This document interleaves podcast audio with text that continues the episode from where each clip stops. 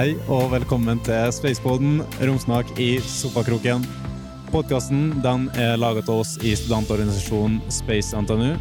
Vi tar opp eh, små og store ting som kan eh, kobles opp mot verdensrommet, for å gjøre dem eh, lett og interessante å høre på. Jeg heter Erlend Samlåst og jeg er host for podkasten. Men jeg er ikke alene, for med meg i panelet så har jeg Alexi Gusev. Hei, hei. Og så har vi jo vår faste deltaker Eivind Hegseth. Hallois, hallois. Eh, I dag så har vi jo med oss en gjest, som vanlig. Eh, det er Vegard Løve fra Enernight. Han er, er co-founder og CFO slash COO. Hei, hei. hei.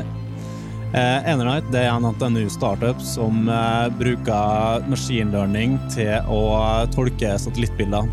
Og de skaffer informasjon om eh, sosiale, miljømessige og økonomiske forhold som påvirker utbygging av fornybar energi. Eh, alt dette samla i en eh, database for internasjonale energiutbyggere. Og alt i alt så gjør dette at vi kommer nærmere og nærmere en verden som alle har tilgang på ren energi. da.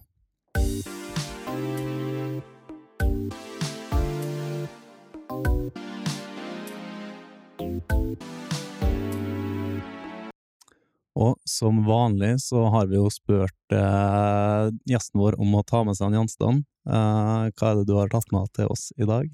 I dag så har jeg tatt med den gjenstanden her, som er eh, en distinksjon som jeg bruker i Forsvaret. Ja, eh, og grunnen, Interessant, det er kult. og grunnen for at jeg har tatt med den, er eh, fordi jeg er med på deltid, så er jeg med i innsatsstyrken i Heimevernet. Eh, som er egentlig en hurtig reaksjonsstyrke eh, for det norske Heimevernet. Eh, hvor vi har øvelser fem-seks ganger i løpet av året. Og grunnen for at jeg tar med den i dag, er fordi den har liggende på pulten hjemme. For å minne meg på om at det kan alltid være verre. Og minner meg på om at jeg må bruke energien min på det som jeg har muligheten til å påvirke. Eh, og unngå å bruke energi og tid på eh, ting som jeg ikke kan gjøre noe med, rett og slett. Akkurat det. Det er du er der? Det er ikke kaptein, det er sersjant. Eh, sersjant, ja. ja. Det har gått litt ut av det. du prøvde deg på Jeg prøvde meg, jeg merka det datt ut mer og mer. Var du... Jeg var i uh, førstegangstjenesten, ja. Du var i militæret, ja? Ja, okay. ja. Hvor lenge siden Eller var du i førstegangstjenesten? Eh, jeg var i førstetjenesten, og så gikk jeg befalsskolen etterpå. Og så egentlig fortsatt i eh, innsatsstyrken i Heimevernet, egentlig siden eh, det. Og vært der i fire år nå. Såpass, ja. Så trives hvor, veldig der. Hvor ofte er du inne? Vi er inne fem-seks ganger i løpet av året, så ish annenhver måned så har vi en øvelse.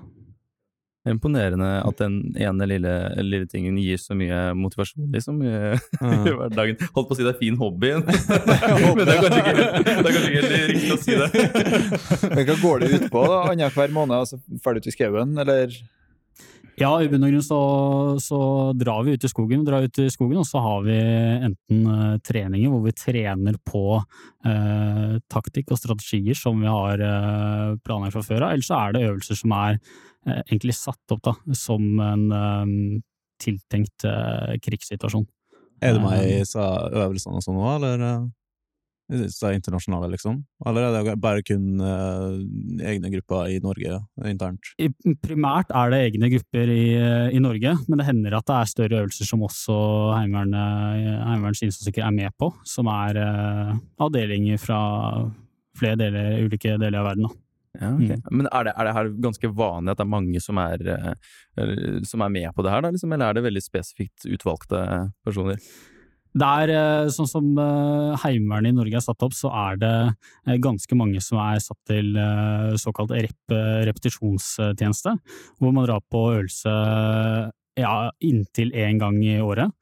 Men så kan man melde seg til eh, ekstra tjeneste, dette da som er innsatsstyrken i Heimevernet, eh, hvor man eh, har egentlig samla en gjeng med litt mer eh, motiverte og engasjerte og har lyst til å bidra litt mer enn man gjør i det vanlige Heimevernet.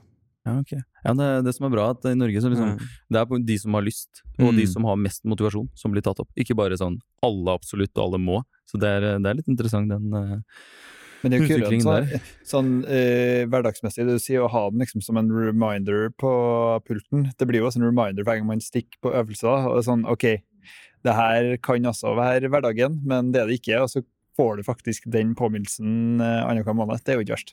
Nei, sant, Ja, definitivt. Det er, eh, det er noe jeg syns er veldig givende mens jeg er eh, student. eh, Og ta de øvelsene iblant, og faktisk gå litt ut i skogen og være litt kald eh, og fryse litt. eh, eh, Og få den påminnelsen om at det er, ikke, det er ikke hver dag jeg trenger dette her.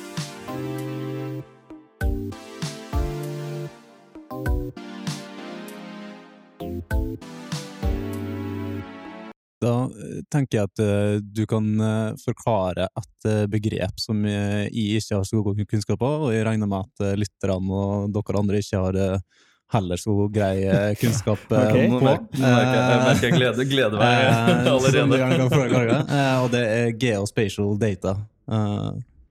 Ja, det kan jeg prøve å forklare. For eh, geospatial data er egentlig bare data som, eller informasjon eh, som er spesifikk opp mot ulike lokasjoner i, eh, i verden. Eh, så for å forklare det veldig enkelt, så er det hvis du har brukt Google Maps for å finne en eh, spesifikk rute til sted, eller for eksempel lagt ut et bilde på Instagram hvor du har tagga et sted, en lokasjon, så har du i prinsippet brukt geospatial data. Men den måten vi bruker geospatial data på, er å se på satellittbilder, eh, som i seg selv er en form for geospatial data. Eh, Og da bruker vi analyse på satellittbilder for å hente ut den geospatial eh, data, informasjonen, eh, for å beskrive hvordan forholdene er på det stedet. Ja, ok. Så det kan være alt fra SnapMap og GPS til bare bildehenting fra en spesifikk plass, liksom? Ja, i prinsippet så er det det. Det er eh, kartedata i, eh, i en rommelig dimensjon. Mm. Eh, så det er egentlig informasjon som er tilknytta en spesifikk lokasjon. Mm. Å ja, ok, interessant. Så det, så det er det som gjør det mulig på en måte for Google Maps å spe, være veldig spesifikk på de ulike stedene? Ok, interessant. Mm. Gje- Gjelder det da å ha en eh, hva heter det, eh, geosentrisk heter på satellittene, eller eh, kan du bare koble opp at jeg har peiling på hvor det er, de satellittene som dere bruker? Uh, det må vel koble, være kobla opp mot uh, en satellitt, Uh, men utover det så er det egentlig bare informasjon som er knytta opp mot ulike steder i verden. Mm. Eh, Men hva, hva kan på en måte man få av den informasjonen sånn, sånn ut fra det dere bruker den til, liksom? Hva er det som eh, Hva er det man kan bruke den til, da? Bortsett fra bare vise et kart, eh, liksom? Man kan bruke det til å få egentlig mye informasjon om uh, ulike områder. Sånn som vi bruker den, er å uh, ja, detektere hvordan uh, terrenget er på ulike steder i verden.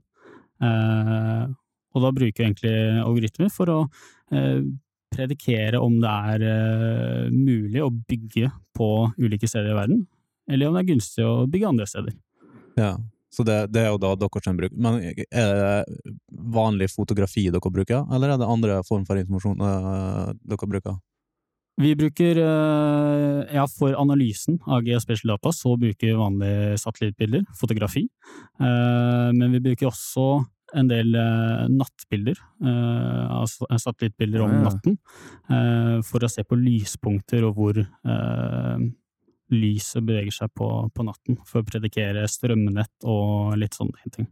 Ja, for det er mye mer synlig når det gjelder liksom sånn hvis man ser strømnettene på nettene. Ok, det, det har jeg sikkert ikke tenkt på. Men eh, hvordan eh, Altså, ha bildedata fra overalt og holde på med det, det er jo ikke bare bare. Eh, så jeg antar at det er mest trolig ikke deres egne satellitter. Eh, er det Altså, hvor henter dere den her infoen fra? Sentinel, blant annet? Eller hvor Kan du si det?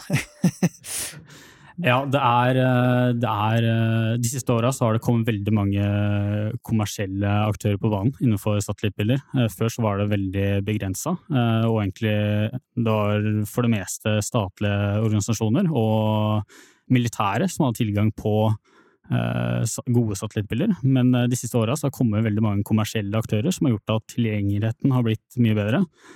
Så vi henter det fra aktører som er lignende Sentinel-2, eller Sentinel, og, og egentlig bruker ja, satellittbilder som er åpne for alle. Mm. Ja, Så det er Sentinel eh, dere bruker for det meste? Så vidt jeg, ja. Ja, eller vi bruker ikke primært Sentinel, vi bruker Sentinel for noen analyser. Men Sentinel Vi får ikke de mest høyoppløselige bildene med Sentinel. Eh, så der bruker jeg en annen eh, aktør. Ja, ok, mm. interessant. Ja, fordi jeg vet jo, Det er jo en aktør her i Norge, det er vel forskningsinstitutt, jeg vet ikke, kanskje du hørte Norse, heter de? Det er vel eh, satt opp av fire, fire universiteter som jeg tror Universitetet i Bergen som er det som hovedsakelig driver det. Um, og de bruker jo Det er mytologi, mytologiske aspekter, da, mer uh, lavtrykk og høytrykk og litt forskjellige polare lavtrykk ofte. Uh, da, og da bruker de jo uh, Jeg husker ikke hvilken type, om det er sentinell eller ikke, men de bruker jo liksom deep learning, AI og masse sånn nå mer og mer da, for å predikere hvordan f.eks. havvind plutselig kan bevege seg, hvordan kan liksom visse værfenomener da, Eh, så det er jo ganske spennende. Så de kan hende bruker noe av den samme dataen som dere bruker, kan jeg da anta? Så ja, så, sannsynligvis. Og vi ser at det kommer flere og flere kommersielle aktører på banen ved å analysere den type her eh, data, eh, fordi nettopp det har vært, blitt mer tilgjengelig data. Og at det er mulig nå å kjøre algoritmer på disse type dataene, fordi det kommer så jevnlige bilder. Ja, eh, fra, fra, før så har det vært liksom eh, Hvis du skal ha til gode satellittbilder, så må du kanskje belage deg på eh, å få bilde av et spesifikt sted en gang i måneden. Eh, men i dag så kan du få det ja, i hvert fall én gang om dagen eh, på et eh, hvilket som helst område i verden. Da. Så det blir, det blir som sånn big data, nesten. Det der blir jo masse informasjon som du hele tiden kan bruke. Ikke sånn ti bilder i året, som du sa, men faktisk mye. For selv, selv er, Jeg liker å ha litt sånn fun fact fra, fra russerne, de driver med, det de driver med litt sånn innimellom her. og det er litt gøy. De sendte jo faktisk nå for et par dager siden faktisk en, en ny satellitt som heter Arctic M, og den skal jo nøyaktig det dere, dere, driver med, eh, men da kun i disse polare, arktiske områdene, som blir Russlands første satellitt over der. da. Og, og, den skal da ha høyoppløselige bilder nettopp for at man senere kan bruke algoritmer eh, for å predikere hvordan is og sånn beveger seg. For jeg vet ikke hvor mange som har gjort det sånn direkte, at det er faktisk en spesifikk satellitt for det. Eh, men det er ganske spennende. Det virker som det er mer og mer trykk på den fronten, eh, som det forteller. Nei, altså når det gjelder den, altså algoritmene og finne ut av info sånn gjennom det dere har av data. Eh, hva blir det til til slutt? Altså, hva, hvis, eh, eh hvis, jeg skulle ha endt opp med å bruke det til noe, eh, om jeg har vært i rette markedet, eh, hvem er jeg? Hva, hva, slags type problemstilling eh, er det dere løser? Vi ser jo at uh, den informasjonen her kan gi verdi for uh, flere typer aktører, men primært så er det uh, energiutbyggere som vi har retta oss inn mot. så det er internasjonale energiutbyggere, utbyggere som bygger ut energi i andre land enn de har hovedsete selv. og da skal bygge ut store, enten store solcellefarmer eller store vindkraftanlegg, primært. Ser du på uh, trafikk, da, eller liksom uh, Hva er det du ser etter, liksom? Eh, der er det mange ulike parametere som vi ser på. Det kan være trafikk, for å si noe om den økonomiske aktiviteten i området. Men også så er det mange miljømessige forhold som vi har sett er stor etterspørsel etter. F.eks. hvor det er beskytta område, om det er noen utrydningstrua arter i området. Eh, egentlig mange forhold som begrenser utbyggingen av energi. Da. Mm, som spiller inn liksom på uh, hvordan Ja, det, det er Men er det sånn, hva slags type land kan det være? Er det alt fra liksom Afrika, eller er det Europa, eller er det ja, men sånn bare, Landet Afrika og Europa? Nei, jeg mener land i, ja, land Afrika. Land i Afrika, en liten rettelse der, selvfølgelig. Nei, men er det hvilket som helst dere kan bruke, eller er det spesifikke land der det er bedre tilgang på disse dataene, andre mindre? Eh, tilgangen på satellitter er ganske Ja, den er litt variabel, men den er ganske god over hele kloden, egentlig. Men vi har retta oss spesifikt inn mot fremvoksende markeder i første gang, fordi der ser vi at de offentlige databasene er ganske mangelfulle. Så vi ser at ved å bruke satellittdata, så kan vi få tak i informasjon som ikke finnes noe annet sted. Og derfor så har vi ja, fokusert på fremvoksende markeder, primært Afrika i starten. Eh, fordi vi også ser at det er en enorm utbygging av energi som kommer til å skje der de neste årene. Eh, hvor mange er dere i bedriften nå? Nå i bedriften så er vi eh, ni stykker. Primært egentlig fra, fra tekniske linjer her på NTNU. Ja. Mm. Ser dere noe ute etter å utvide det, eller? Vi er alltid på jakt etter uh, flinke talenter. Ja. uh, så hvis det er noen som er interessert i å jobbe med geospatial data uh, og analyse av satellittbilder, så er vi alltid interessert i å ta en prat om det. Vi ser at for å få til det vi har lyst til, så trenger vi Eh, veldig god kompetanse på spesifikt inn mot eh, analyse av geospatial data. Mm. Uh, og det miljøet er ikke så stort uh, i Norge. ja, uh, så derfor så må vi bygge opp mye av kompetansen selv. Ja. ja. Når, når, du, for du er jo co-founder, og når du var med å starte opp det her, hva var det som var drivkraften? Var det liksom eh, Var det det at det var space og satellitter, eller var det machine learning, eller var det fornybar energi? Hva var det som var drivkraften for din del? Eller, si, eller var det økonomiske aspektet? Eller økonomiske Skaffe cash in the bank. Eh, først og fremst så var det at vi så problemet som energiutbyggere har i særlig fremvoksende markeder. At de har ikke tilgang på all den informasjonen som de trenger for å bygge ut dette her. Eh, det var eh, egentlig det første som eh, vi så.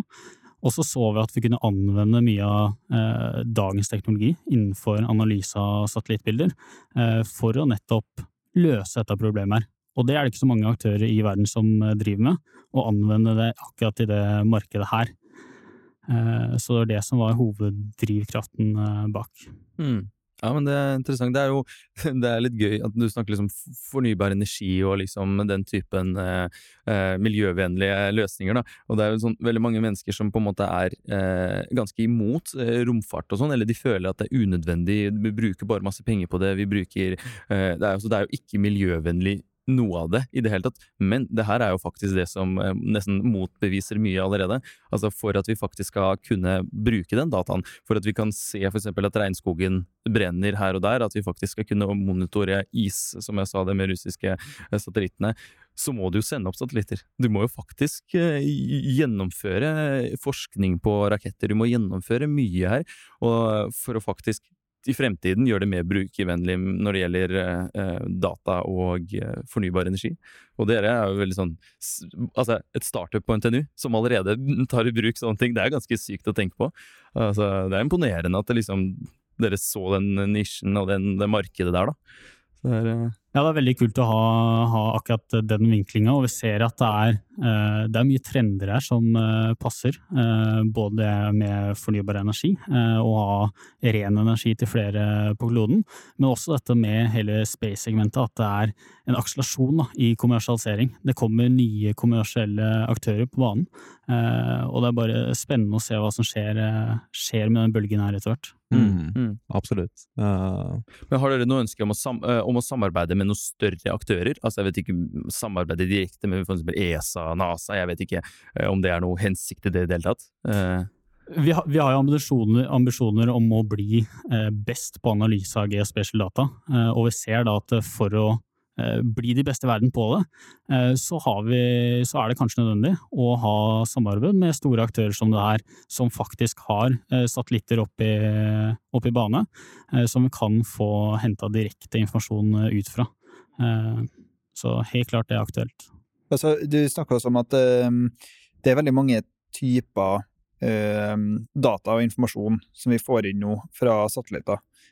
Nå som dere har pønska Dere er jo ganske ferske, eh, men nå som dere har pønska litt på det, har dere allerede kommet over noen ting som ikke hentes inn nok data av, som det skulle ha vært mer innhenting av? Ja, Det er et godt spørsmål, faktisk. Der. Eh, nå har vi fokusert mest på eh, satellittdata og hente ut faktisk satellittbildene, eh, men vi ser at enda så har det mer å gå på med å ha oftere og høyoppløselige satellittbilder. Det kan det også bli enda bedre av. Og det tror jeg kommer til å bli bedre av de neste årene. Vi har bare sett en, de siste åra har vi sett en akselerasjon egentlig i oppskytingen av satellitt, satellitter.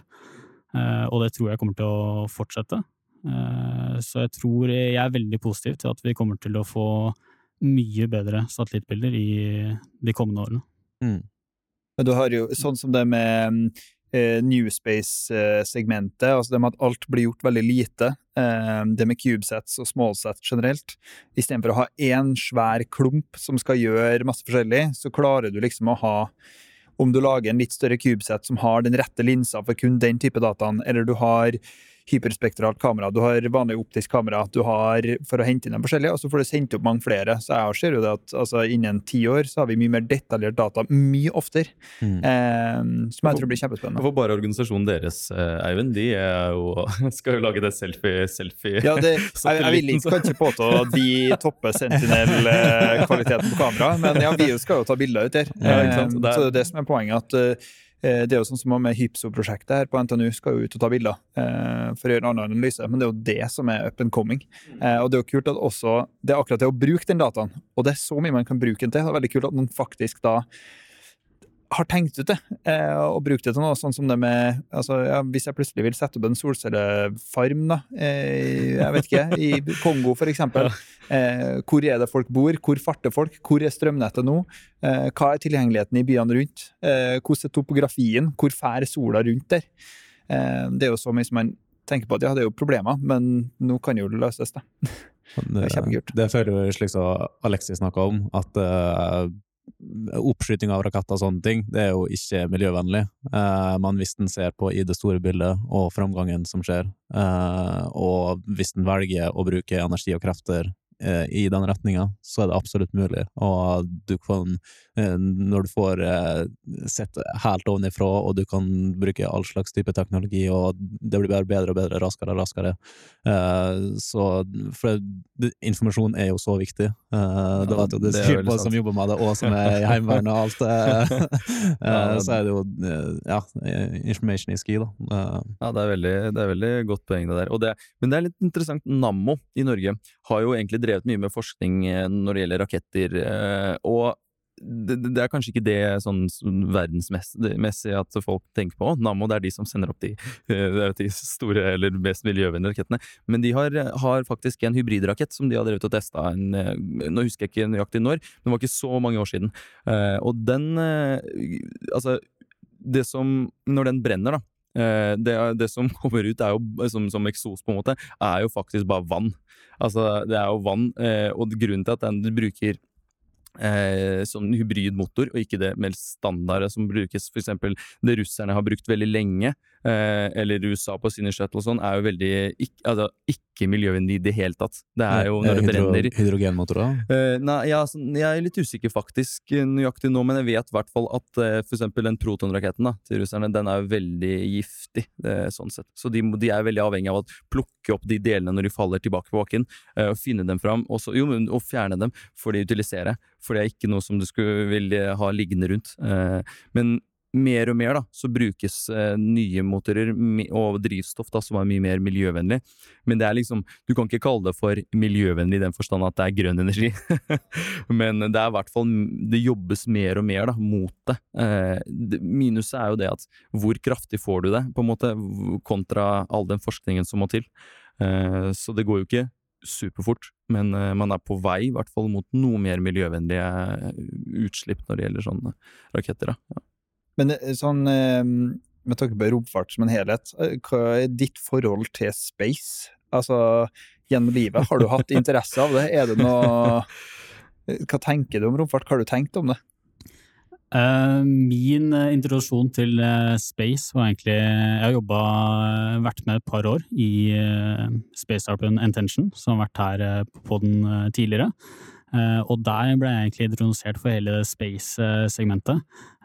og før den til så hadde jeg egentlig ikke noe bilde av særlig det norske miljøet rundt space. Jeg trodde det ikke var noe norsk miljø egentlig rundt space i hele tatt. Eh, men når jeg ble introdusert for det gjennom en dungeon, så eh, fikk jeg litt mer overblikk og så at eh, det er noen ting som spirer og gror her i, her i Norge òg, med tanke på space. Og jeg syns jo det har vært veldig spennende, og jeg syns det, det, er noe spennende med det å bare skape noe som kan utforske noe som ikke er utforska før. Mm, absolutt. Det er et veldig godt poeng, og det, jeg tenker eh, det blir spennende å se egentlig framover hvordan det utvikler seg. For man vil jo Det er flere og flere land som prøver å satse. Eh, ikke bare prøver, men faktisk satser. Altså det å se, som vi sikkert har nevnt nå et par ganger, Copenhagen Suborbitals i Danmark, som er liksom 100 eh, crownfounda selskap, som da skal sende opp sin faktisk en danske opp til, til verdensrommet da, i sin egenlagde crowdfunder-rakett. Det er liksom sånn Kunne aldri antatt at eh, det, det, landet som da kommer til å sende opp eh, en rakett med en person i, blir da nå Danmark.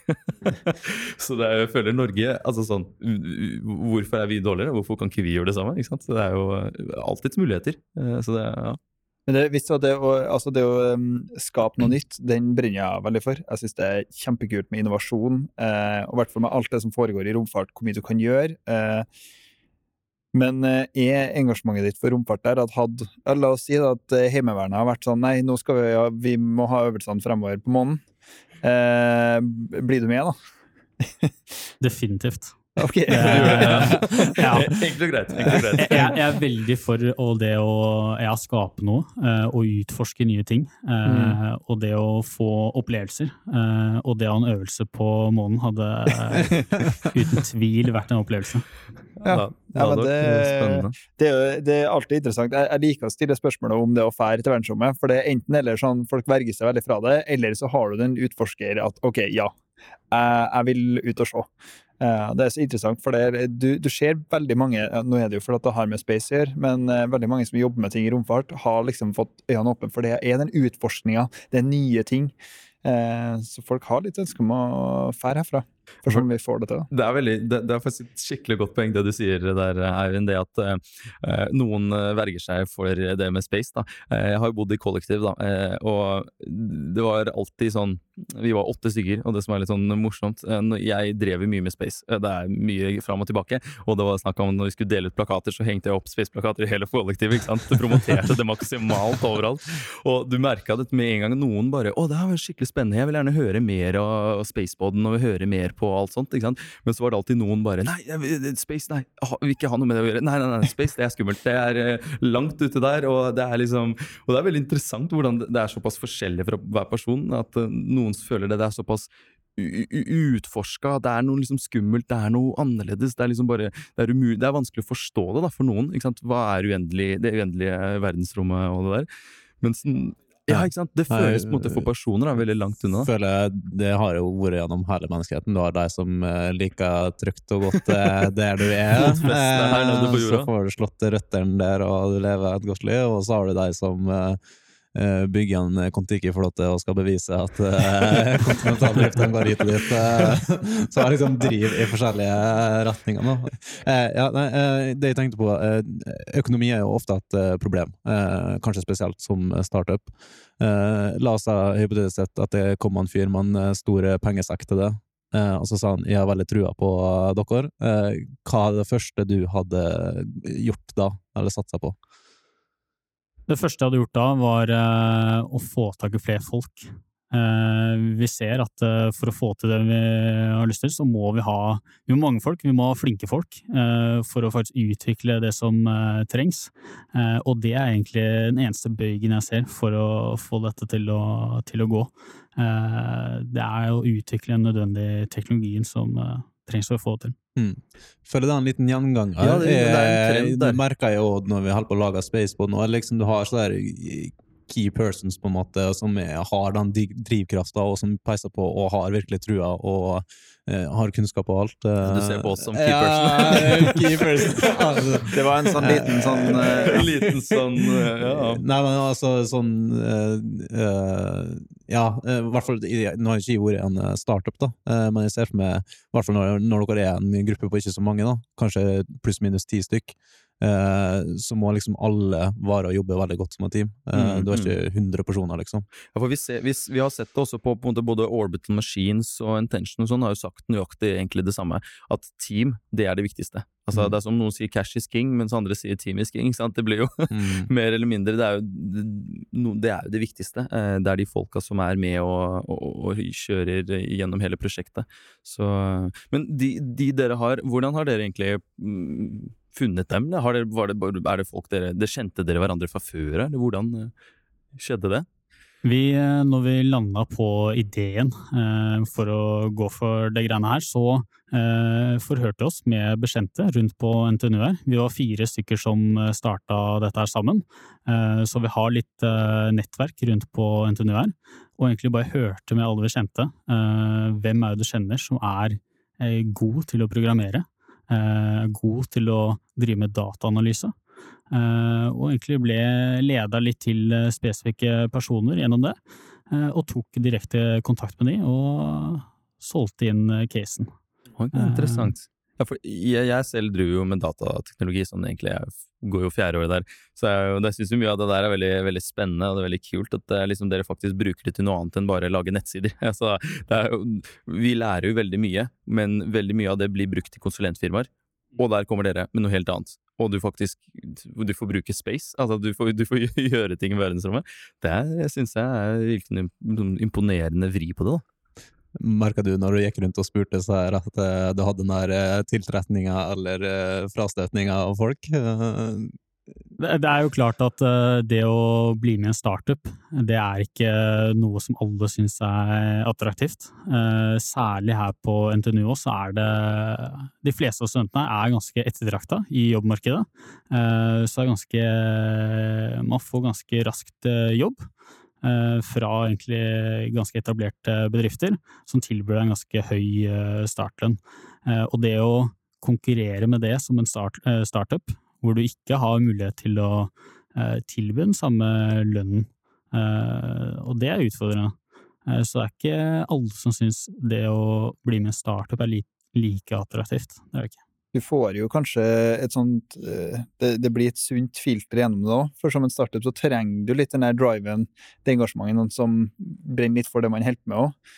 Eh, og da må du nesten det når du ikke leverer samme lønna. Da må det være liksom engasjementet og trua på selskapet, da. For jeg vet ikke om har dere om det er lov til å si, men liksom, har dere eiendeler som folk får i startupen når de begynner, eller hvordan Ja, vi har noen eh, ordninger for å eh, skape insentiv for de teammedlemmene som eh, blir med oss. Eh, Så vi har noen ordninger på eierandeler.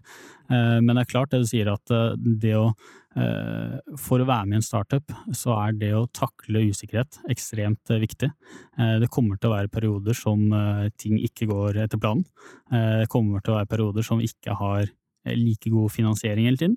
Eh, Så det er klart at det å takle usikkerhet og være klar for å eh, skifte fokus raskt, det, det er viktig. Så jeg tror det filteret hvor man eh, får eh, tak i de riktige folkene, er, eh, er egentlig en god ting. Mm.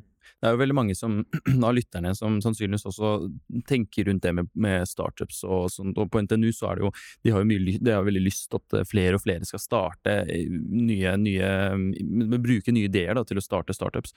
Var det, følte du var det vanskelig når det gjelder sånn alt fra finansielt og sånn, å starte, i hvert fall innenfor når det er sånn space-relatert? Var det liksom sånn at dere måtte starte med ingenting i, i lønn og alt det der, eller, eller fikk dere støtte fra noen aktører og sånn? Eh, Nå er vi ganske tidlig i løpet nå også, for så vidt, så vi har ikke Det er ingen av oss som har lønn. Eh, Vi har fortsatt alle studenter her på NTNU, så vi lever fortsatt på eh, Lånekassa, de fleste av oss.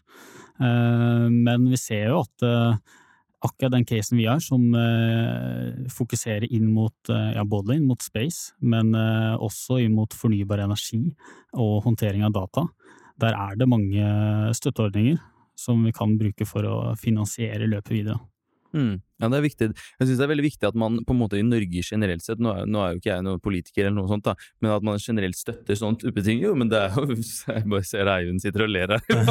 ja, men jeg er helt enig. Altså, det, det, er bare, det, er veldig viktig, føler jeg. At altså, sånn skal, skal, faktisk Norge ut i space, holdt jeg på å si, inn i det segmentet, eller generelt eh, noe fornybar, og at folk skal ha muligheten til å starte opp, så syns jeg det er utrolig viktig eh, at man, den støtten finner sted, da. Eh, er, Men det er så alle dere fondene og sånn, jeg har sett på det i forhold til mye forskjellig, altså det som faktisk foregår av økonomi til altså banker og alt mulig rart som på en måte supporter eh, innenfor en del. Og der er det, I Norge så virker det som vi er veldig flinke på det. Altså Det er mye økonomi å hente hvis man har en drive og man vil få til noe. Eh, så kan man få støttespillere. Ja, definitivt. Eh, Innovasjon Norge og Forskningsrådet sånn eh, er veldig gode i Norge kontra andre land. Så vi har mange offentlige støtteordninger som er veldig gunstige for det å starte selskap. Fordi og det tror jeg er helt nødvendig for at vi skal få den innovasjonen som trengs i Norge. Fordi vi har ikke like mange private investorer som det er kanskje i andre land. Særlig i USA og sånne ting, så er private investor er veldig stort. Eh, men i Norge så har vi fått ganske gode støtteordninger på plass som eh, kan hjelpe startups eh, opp og fram. Så det skal ikke være så skummelt å starte en egen, egen startup, egentlig? For det er jo veldig mange som tror at det er jo nei, helt umulig, det er lett å bare ikke, sitte og jobbe i et konsulentfirma, men man får jo kanskje ikke den, den driven og den, det opplegget du får idet du starter et startup. Nei, jeg tror det å starte en startup, i særlig Norge, og særlig når du er student, er egentlig veldig attraktivt. Eh, du har en del fallskjermer som tar deg imot hvis du ikke får til, eh, gjennom da Lånekassen, som du egentlig kan eh, leve på hvis du studerer litt ved siden av når du starter. Men også at det er ganske gode ordninger for å for å ta leve, ja. leve, ja. Det er faktisk utrolig mm. viktig. For det er sånn mange andre land altså sånn, Jeg kommer fra Russland. ikke sant? Det er jo, business der er veldig vanlig. Det er veldig mange som på en måte blir, har lyst til å bli businessman osv. Og, så videre, og der er det jo sånn ok, du kan få en del penger fra starten, men hvis du først mister det, så er det jo uten noe som helst. Er jo også til USA. ikke sant? Det er opp til deg. Eh, altså sånn, Har du, har du starta et eller annet, så sliter man kraftig. Eh, så jeg tenker det er det som er sånn som du sier, da. Eh, I Norge, du har faktisk mulighet til å prøve uten å miste alt som finnes. Men altså, hvordan Du nevnte jo at de fleste ja, studerer òg på NTNU. Det er jo en fin kombo av timer i døgnet og ting å gjøre. Eh, løs, altså er det sånn at Enerlight blir mye av fritida til de fleste? Eh, er det der sosiallivet deres har blitt, eller hvordan passer det inn i en hverdag? Det har nok blitt en del av det sosiallivet, men jeg vil jo også si at Enerlight har eh, tar dessverre litt mer og mer andel av uh, den tida vi bruker på skole, uh, egentlig. Uh, men det er sånn, særlig på NTNU, så er det veldig fokus på det å ha verv og gjøre ting ved siden av skolen for å skape seg erfaring, og for å ha et sosialt miljø. Og akkurat der så kommer jo også Enerlight godt inn, ved at det egentlig blir som en type verv, bare at ja, du har friheter til å skape og gjøre innovasjon. Mm. Men du som person, på en måte, hva, hva, hva var det du starta med på NTNU? Hva var det du begynte å studere og sånn? Hva var det som drev deg hit til Trondheim? På NTNU så starta jeg å studere bygg- og miljøteknikk her oppe. Eh, og så gikk jeg tre år der, samtidig som jeg studerte en bachelor i økonomi. Samtidig, ja. Multitaskingen starta allerede der. Da var det gjort. Da var det gjort.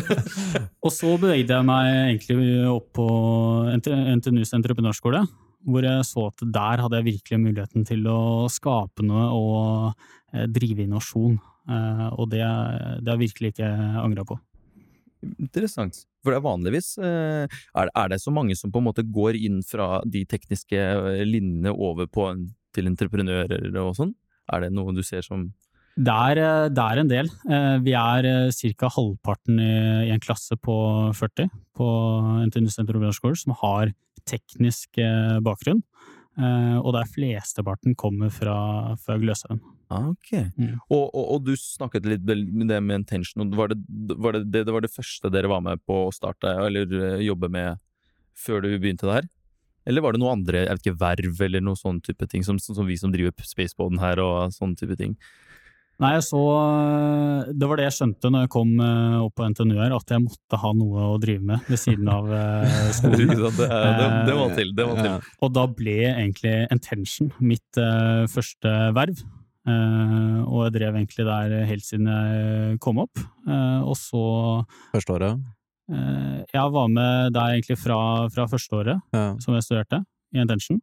Og så hadde jeg lyst til å prøve noe selv og det var derfor jeg starta opp eh, Enernight.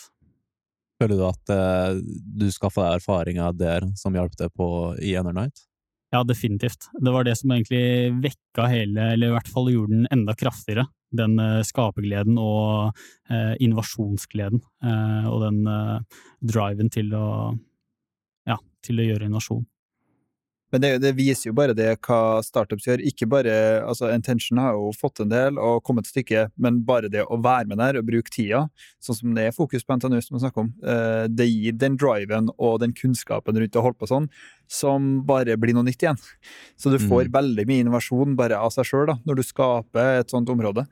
Så jeg tror det, det, virker som det er gjort veldig riktig på NTNU. For det virker som det er veldig mange som er for det med verv og sånn, i hvert fall som jeg har lagt merke til på Gløshaugen. Eh, det syns jeg er råkult. Så Trondheim blir bare større og større teknisk by, tror jeg, fremover. Sånn. Mm. Hvis du skulle sagt noe til, på en måte, til lytterne når det gjelder sånn, ikke, gitt et tips eh, og sånn, til de som faktisk har lyst til å starte, starte så Er det noe de burde tenke på helt fra starten? Er det noen vet ikke, utfordringer du kunne, som man ikke så for seg i starten?